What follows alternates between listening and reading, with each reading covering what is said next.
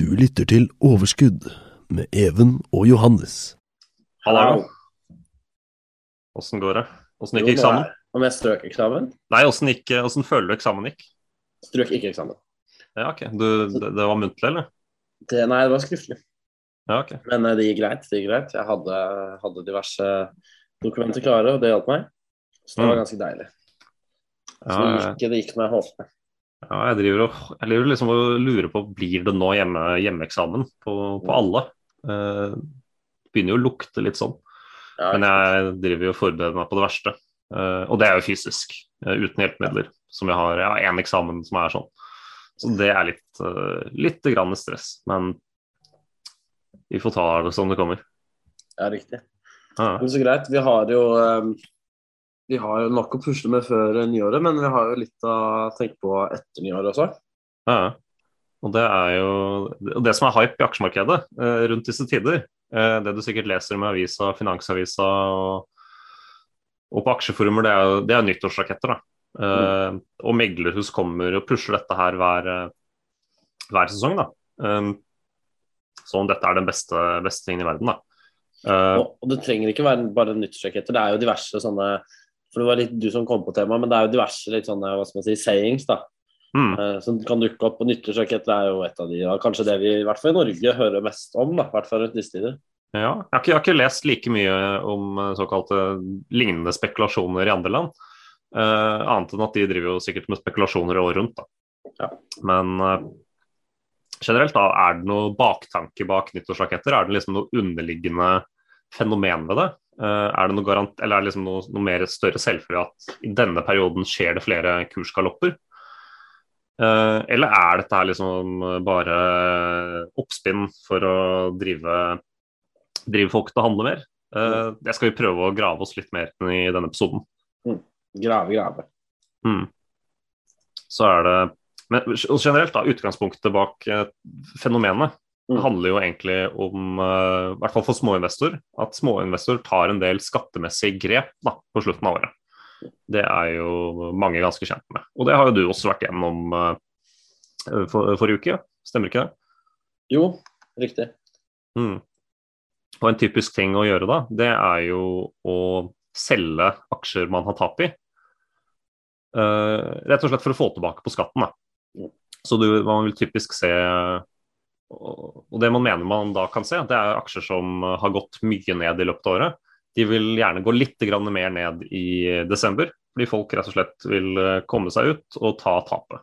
Mm. Så må det jo sies at eh, mange tar jo bare og kjøper og selger eh, for å ta tapet, men fortsatt sitte, med, sitte eksponert. Da. Mm. Så det er jo mange muligheter. Ja, og det er jo, men det er jo litt forskjell, fordi det er jo typisk de litt større investorene som kanskje sitter på et holdningsselskap eller et investeringsselskap som, som kan gjøre det. Fordi ASK er det jo litt annerledes. Altså, da. Skal ikke gå inn på det, men, eh, Mm. men det var det vi erfarte. Vi diskuterte dette tidligere i uken, at, at det er litt, litt annerledes med ASK. Ja. Det er jo ikke akkurat småinvestorene som kanskje er med på å pushe prisen så mye, da. Og uh, i tillegg så, så har man jo større fond, gjerne, som driver med som driver med rebalansering gjerne litt før og litt etter at eh, det fysiske skiftet fra Q4 til Q1 har gått over. Da. Altså når man passerer nyttårsaften. Og eh, disse tingene kombinert da, kan jo være i hvert fall bidra til økt volum eh, i en periode. Og eh, hypotetisk gi være bedre muligheter for å trade, da. Så på en måte fund, funda, den fundamentale tanken er at her er det flere muligheter. Den, den stemmer nok da i utgangspunktet, ettersom disse faktorene bidrar til at eh, desember er en, mer, eh, er en måned hvor man handler litt mer generelt. Da. Statistisk så er ikke det ser man kanskje ikke noe klar sammenheng på det. Men i hvert fall det bakenforliggende eh, taler jo litt for seg, da. Men så må vi også gå inn på at det er det er ikke desember som er den største, beste måneden i aksjemarkedet. Det er faktisk eh, statistisk så er det november. November er den enkelt eh, beste måneden. Eh, selv om her er det jo liksom små marginer mellom, mellom beste og verste. Det, det, det er nok rett og slett tilfeldigheter. og Hvis november har vært en måned som har unngått resesjoner, så er jo det plutselig en stor sjanse for at november topper lista. Ja, Så- Vi har jo sett f.eks. i år så har det ikke vært november som har vært den beste måneden. Definitivt ikke. Så, så det er jo selvfølgelig statistikk. Det tar jo bare og blander alt av tall sammen. Og det, det sier jo litt om hva du kunne gjort for å tjene penger i, i fortiden. Mm. Men sier jo veldig lite om hva du kan gjøre i framtiden for å tjene penger, vil jeg si da. Og Det er litt eh, essensen av episoden at, at vi ønsker liksom ikke å basere oss for mye på som diverse statistikk og kanskje sayings. da. Mm. Eh, Men selvfølgelig, det er jo noe samtid òg. Det er det Ja. som er, kan være greit å finne ut av. Mm. Statistisk så har det også vist seg at uh, desember, da, som ja, det er ikke den beste måneden, men det er den måneden som har lavest sjanse for, å, for at det begynner en resesjon, da. Mm. Uh, ifølge Wall Street Journal. Nå er det jo det er, litt vanskelig påstand, og det og, og det er jo kanskje rett og slett fordi november er en måned eh, som det er mange feriedager, mange helligdager. Mm. Eh, i hvert, fall, I hvert fall for oss i Vesten og, og både i USA så er det en del helligdager. Det, det er nok én faktor eh, til det. Og så er det mange selskaper som av den grunn da, de, de velger å ikke ha viktige selskapsnyheter i desember. da. Det er jo selvfølgelig noen unntak, men de aller viktigste og mest vesentlige eh, selskapshendelsene de setter man gjerne andre deler av året enn desember. da. Så, og kanskje i fravær av eh, både For her unngår man jo både gode og dårlige nyheter. Så, og, og kanskje i fravær av det, da, eh, så, så er man mer eh, bullish, da. På, på, for det er min tanke, i hvert fall. Da. Det er forholdet til at markedet går ofte oppover i fravær av dårlige nyheter. Mens gode nyheter er ikke liksom alene med på å dytte markedet videre i, på samme grad. da. Med mindre det er noe veldig veldig spesielt. Ja, det er selvfølgelig det er, det er vanskelig å si noe veldig konkret der, for det er jo, det er jo her, Og her er det mye sånn statistikk man kan drive og rote seg borti, men det tror jeg blir, eh, blir litt for tørt. Så vi på en måte går Vi toucher bare i overflaten på de, de forskjellige statistikkene vi har, eh, har funnet fram. Da. Mm. Men så må jeg generelt si da, det er jo det er masse av disse meglerhusene som kommer med disse her eh, nyttårsrakettene, da, som tar og skraper sammen en liten liste. Og, eh, og ofte kommer med at disse her har liksom potensial til å gå, gå liksom 30-40 da, på, på kortere tid. Og det høres jo veldig spennende ut. da. Det høres jo eh, gamblinginstinktet i folk. Det, det blir jo litt. Ja, det blir vekket, blir litt påskrudd. Men er det noe hold i det? Johannes? Eh, ja, i hvert fall i Man har jo tidligere sett at enkelte selskaper har gått mye i desember. Eh, men om det er noe særlig, eh, særlig ellers fra andre måneder, det er statistisk, så har ikke jeg klart å finne det. Uh, annet enn disse generelle påstandene om at november er beste måned, de andre er beste månedene. Men, men sånn generelt, da, om spekulative aksjer kanskje gjør det bedre, det, det er en veldig vanskelig påstand. Jeg har ikke klart å finne, finne verken noe for eller imot det, da, statistisk. Så det er i hvert fall ikke åpenlyst, da, vil jeg si. I hvert fall ikke åpenlyst at det er uh, noe, noe hold i at spekulasjoner lønner seg i desember. da. Men vi, vi må jo snakke om disse analyt, analysene fra analytikere generelt. Da. De, det er litt så som så, uh, hvordan man kan tolke de, disse kjøpsanbefalingene, da, eller salgsanbefalingene. Og uh, det er jo, jeg vil jo si det er, det er forskjell på kvalitet og arbeidsinnsats som legges i disse analysene. Det, dette er jo fysiske skriv man kan eh, lese. da. Ofte må man være kunde i banken. og, og, og noen meglerhus er jo sånn at de deler ikke ut analysene sine til alle. Så, så det er kanskje ikke så tilgjengelig for uh, en hvermannsen. Men hvis man, har, uh, hvis man er kunde i DNB eller Nordea, uh, så skal man kunne få tilgang til disse eh, analysene på noe vis. Eh, Det er selvfølgelig ikke nødvendigvis rett fram.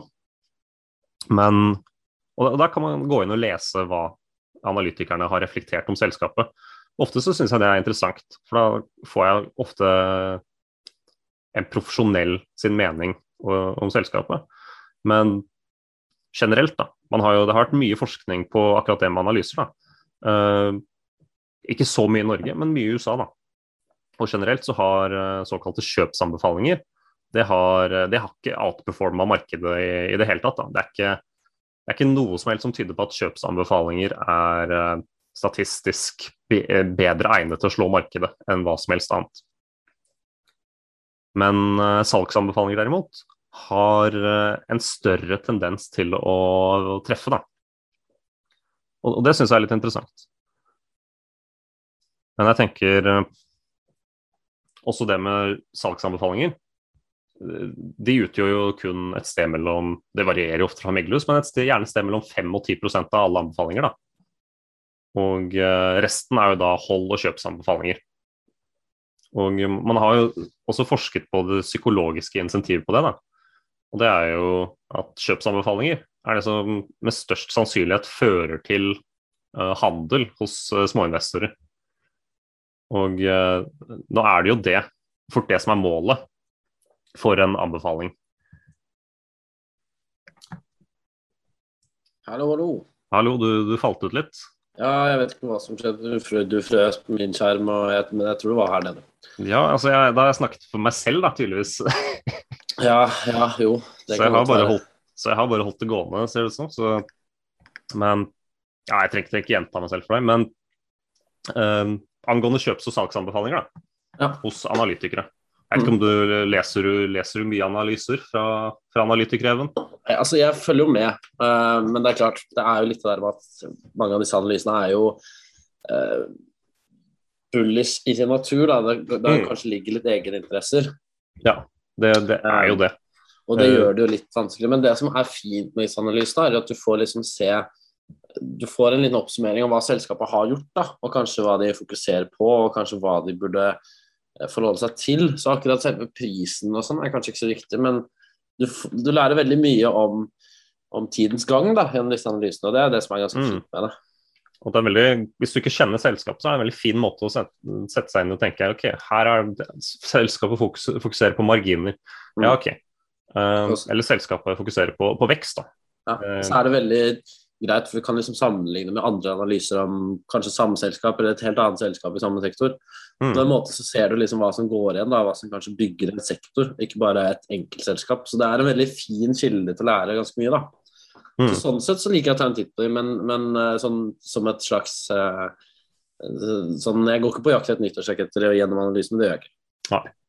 Og så har vi jo, For å ha en liten motvekt, da, så har jeg Jeg spurte vel Roger Berntsen, da, den, en av de anledningene jeg var og snakket med han gjennom Snik. Eh, Snik. Ja. Snik skrik. Men eh, da, da spurte jeg leser du andre sine analyser, da. Han sa bare nei. Eh, Rett på svaret at han, han gidder jo ikke det. Nei. Men det, han er jo også veldig stå, stå har veldig klokketro på sin egen metode. Ja, han, er han velger selv, aksjer. Mm.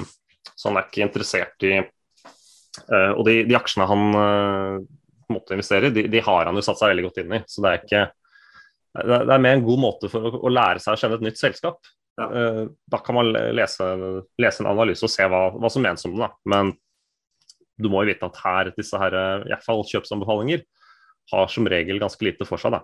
Og Jeg vil jo også særlig referere til disse anbefalingene som man har sett på Euronex Growth. da. Mm. Her har det vært mye Mye grums. Ja, ja, rett og slett. eh, Altså, du har jo lest analytikere som har på en måte vist til nøyaktig samme estimater som selskapet selv har lagt fram, og Mm. på en måte behandla de, og egentlig bare tatt utgangspunkt i selskapet, hva selskapet selv mener er realistiske vekstestimater. Og det, da gjør jo ikke egentlig du noe annet enn å verdsette selskapet som selskapet selv. Um, og da treffer du som regel ikke noe bra. Um, og det har jo typisk vært en tendens på disse Euronext- Euronext- eh, Euronext-aksjene. Mm. uh, og her har det jo vært mye, veldig mange anbefalinger. Veldig mye kjøpsanbefalinger, veldig lite, lite salgsanbefalinger i fjor. Eh, hvis du ser på de aller, aller fleste aksjene, så har de liksom De, de har jo ikke Det er veldig få aksjer som er over noteringsprisen som de notertes på i fjor og i år. Så Og du har jo noen, har jo noen som har uh, dobla seg flere ganger, men de er i veldig mindretall, de aller fleste aksjene, og som har hatt mange When you need mealtime inspiration, it's worth shopping Kroger, where you'll find over 30,000 mouthwatering choices that excite your inner foodie. And no matter what tasty choice you make, you'll enjoy our everyday low prices, plus extra ways to save, like digital coupons worth over $600 each week. You can also save up to $1 off per gallon at the pump with fuel points. More savings and more inspiring flavors make shopping Kroger worth it every time. Kroger, fresh for everyone. Fuel restrictions apply. Mange kjøpsanbefalinger gjerne, de, de har ikke levd opp til det i det hele tatt. Og uh, du ser jo stadig at uh, det kommer meglere som kommer med litt sånn ja, opprettholde kjøpsanbefalingene sine, men justere kursmålet ned. Det, det har jeg, føler jeg har sett mye av. Um, så det er nesten så, blitt den nye salgsanbefalingen. ja, i hvert fall på Euronest-aksjer. Der, der, kan man i hvert fall være litt uh, ekstra kritisk, vil jeg si. Mm. På, på, på, trygge, gode selskaper som er på Obex i, i, Norge, blant de 25 største, der er jeg litt mer der har jeg litt mer tiltro. Der føler jeg de sitter med litt mer spesialkunnskap. Der har ofte analytikerne fulgt selskaper i mange år. Mm. Mens uh, på Euronex så er det jo, tar de ofte et blikk for første gang. Og da er det ikke noe det er kanskje litt mer tilfeldig? Ja, det er som du sier. Altså, det er ofte kanskje I sånne små selskaper så er det ofte menneskene som, som på en måte styrer litt av utviklingen. Og De mm. aksjene korrelerer kanskje ikke så mye med markedet, mens store, modne selskaper, der er det som du sier, mye erfaring fra tidligere. Man vet hva som har en innvirkning, og hva som må til for at det og det ja. skal skje. Da. Så man har mer data på hvor flink ledelsen er, rett og slett? Mer data, så det er liksom mye mer bak. da. Mens i Euronex-aksjer så er det typisk uh, mer som kan gå bra, veldig bra, og så er det mye som kan gå veldig dårlig òg, da. Og det er det man mm. kanskje ikke helt vet hva. Mm. Um, så, det, så, det, er litt kanskje trenden der. Men du har jo et par andre sånne sayings også, har du lyst til å Ja, for det er jo det er en del sykliske fenomener i, i markedet. da. Uh, og da, Man har sikkert hørt f.eks. begrepet 'sell in May and go away'. Og den har jo stått seg veldig sterkt på, på Oslo Børs. da. Og uh, i hvert fall før, fra, fram til 2020, hvor uh, mars-april ble ganske tunge måneder. Men fram til før det, da, det er i hvert fall statistikk som ble laget i 2019. Og der var det at uh, hvis du delte opp året fra november til mai, og fra begynnelsen av juni til ut september, ut oktober, rettelse, mm. så viste det seg at desember til mai-perioden hadde i snitt 14,1% avkastning. Eller nei, 14, jeg husker ikke desimaltallet, men det var i overkant av 14 ja. Og eh, andre halvdel, altså halvdelen fra juni til oktober, hadde kun 1,4 avkastning. Så, så den, og dette var jo statistikk eh, Det er ikke veldig langvarig, da. Det er jo fra det var jo fra 1983 til 2019, jo. Eh, så det, var, det, er ikke veldig komplett når man ser på sånne ting, men det, her har det definitivt vært en uh, tendens. da. Og Det er jo vanskelig å, vanskelig å se, og, det, og, for så vidt så er det verdt å nevne at uh, september er jo den verste måneden. Og dette gjelder jo ikke bare i Norge, men dette er faktisk et mer globalt fenomen som man har uh, Og her har det faktisk vært en del forskere som har prøvd å undersøke hvorfor september er akkurat den verste måneden. Uh, og der har man liksom trukket fram skattemessige deler med fond, at fond ofte gjør justeringer skattemessig i den perioden. Uh, men det er, det er, på en måte det er veldig vanskelig, uh, og det er jo selvfølgelig ikke noe fasit man har liksom, som det har dannet seg en konsensus rundt. Men er, det er jo mange både profesjonelle og ikke-profesjonelle som uh, har tatt ferie rett før september og, og, august. Da. Det er jo Norge som ofte har litt tidligere ferie enn uh, en USA og resten av Europa. Men september er jo sånn, litt sånn tilbake på kontormåned. og noen har ment at det har vært en viktig forklaring. og sist så, så, er det enkelte som mener at det er liksom psykologisk om at det blir mørkere, at det blir litt sånne ting. Folk blir mer, sånn, mer pessimistiske av det. Men det, det, det er, selvfølgelig det er, det er, veldig vanskelig å si. Mm. Så Men um, dette sell in May-konseptet, det er litt vanskeligere å forklare. For her er det jo veldig vesentlig. Men det har nok rett og slett vært sånn, da, før i hvert fall denne resesjonen uh, som kom av covid i første omgang, mm. så har de aller, aller fleste resesjonene uh, og krakkene som, som har truffet Norge de siste 30 årene, de har kommet på andre halvdel av året. Uh, og det er, det er, nok tilfeldig, kanskje. det er kanskje ikke noe, noe, noe årsak til det. Så, så den der 14 %-statistikken, den er, den er nok vanskelig å ta som, ta som god fisk. da. Mm. Uh, eller i hvert fall å bruke den til framtidig gevinst.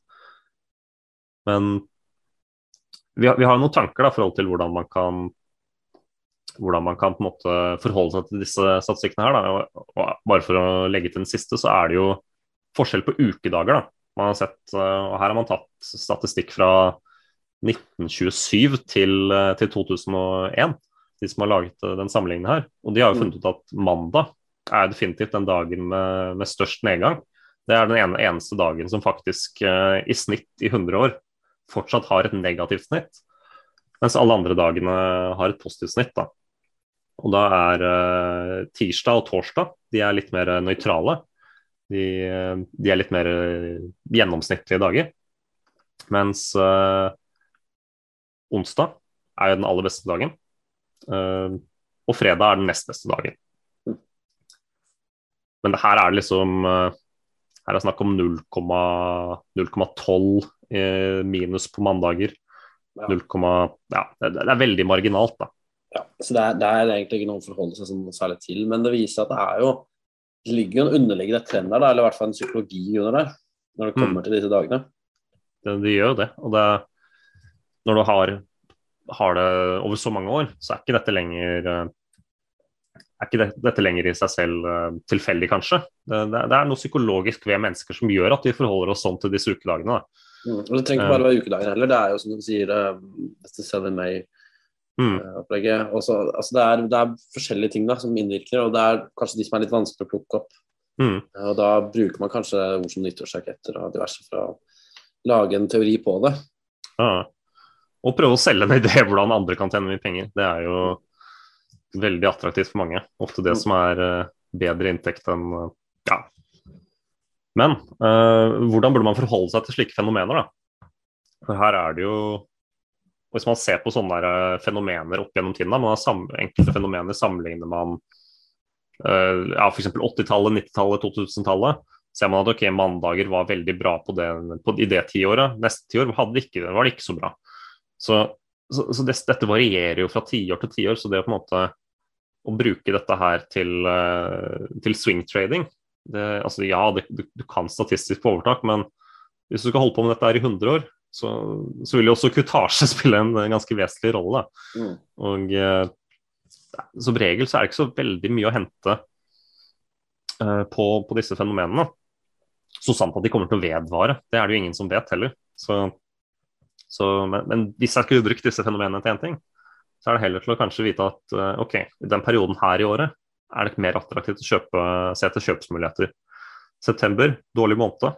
Her kan det dukke opp kjøpsmuligheter generelt, men jeg vil jo heller ikke utelukke de andre månedene. Nei. Men uh, vi, vi, proklamerer jo hele tiden for uh, langsiktige investeringer. Og uh, kortsiktig trading, det er, ikke, det er ikke noe vi driver med, rett og slett. Nei, det er jo det. Og, og, det er litt det, hvis du gjør sånn som vi har diskutert, vi nevner det igjen og igjen, men det er jo det som, det er kanskje det som er litt viktigheten. Men det er jo dette med å, å kjøpe på et fast tidspunkt hele tiden. Mm. og gjerne samme mengden. Eh, eventuelt da ha denne bufferen klar, sånn at du er liksom good to go hvis du virkelig føler at nå er det ganske billig, da. Mm. Nå drive og Det er nok ikke så mye å hente på å gjøre det så komplisert, da. Ved å prøve ja. å kalkulere hvilken dag du kjøper og når på dagen du kjøper. og Det er masse, masse faktorer du kan ta, ta, inn for å prøve å optimalisere. Men sannsynligheten for at det virker innen forhold til tiden du bruker på det, er jeg, jeg tror den er ganske lav må jeg si. Ja. Det er, så er det enkleste ofte det beste. Men samtidig så det jo, kan det være spennende å følge med på hva som uh, kan bli noen nyttårsraketter, uh, eller hva som på en måte blir anbefalt. da, høre litt hva som er. For det er jo som vi sa tidligere i episoden, det er jo veldig mye å lære av den analysen i seg selv. da. Ja, spekulere, det lærer man på. Hva sa du for noe? Ja, man, man lærer på å spekulere også. Det er, ikke, ja. det er mye lærdom i det.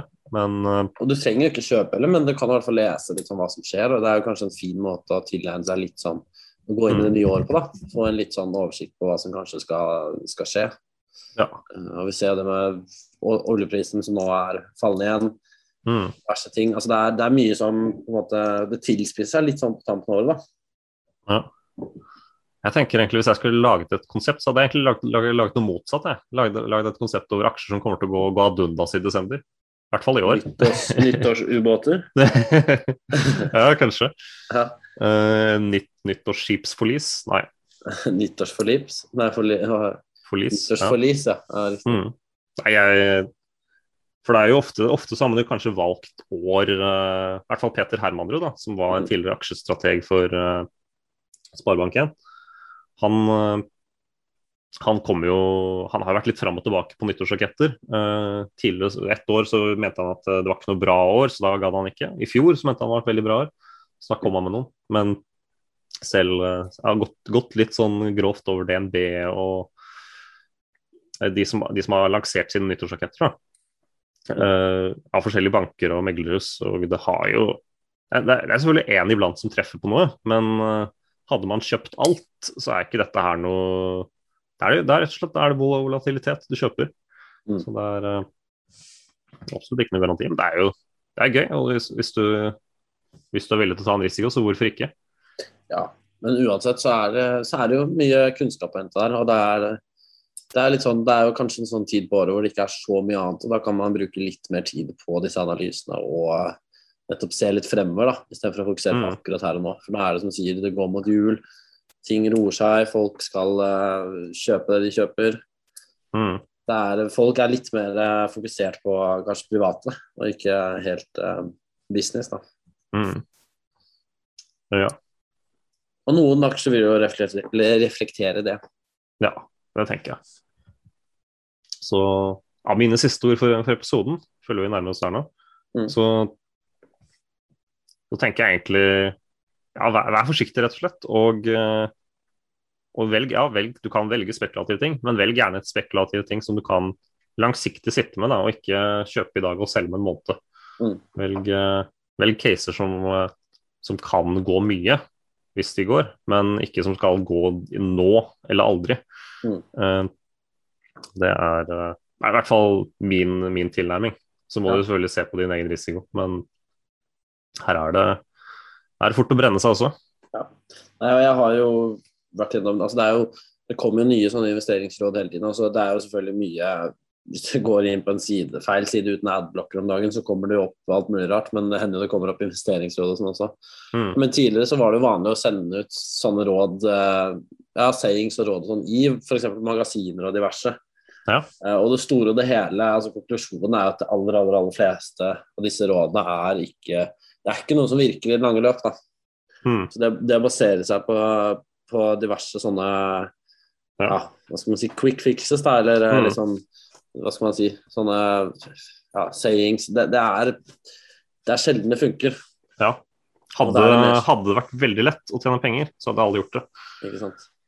Det er egentlig det. Det er også lignende, lignende tendenser med IPOs. Da. At folk prøver å se ok, jeg kjøper første dag, eller jeg kjøper på IPO, eller jeg kjøper eh, og holder så og så lenge. Mm. Så har prøvd å se på den statistikken. Da. Og det har jo Dette var også noe Peter Hermanrud gjorde. Mm. Uh, og, og da dukka det opp uh, Altså det varierte, da. Det, det, det kommer liksom sånn skifte da, i forhold til disse IPO-ene på, på Unix Growth. Hvor skiftet gikk at ok, det var ikke lenger profitabelt å, å, å kjøpe første dagen og så selge to dager senere. Det ble vanskeligere og vanskeligere. Mm. Og eh, markedet ble kanskje litt metta med alle disse børsnoteringene. Ja. Nei, det er, det er bra ord. Vi kan Mm. jo avslutte med det. Ja. Fantastisk.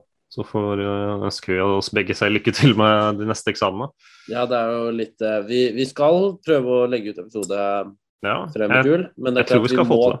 Jeg tror vi skal få til, men det er Mm. klart vi må ta et forbehold. Noe kan Ja. jo skje, men eh, jeg tror det skal gå greit. Mm. Nei. Du får ha en fin dag videre, Eivind. I like måte, Johannes. Fantastisk. Ha det. Ha det bra. Du lyttet til Overskudd med Even og Johannes.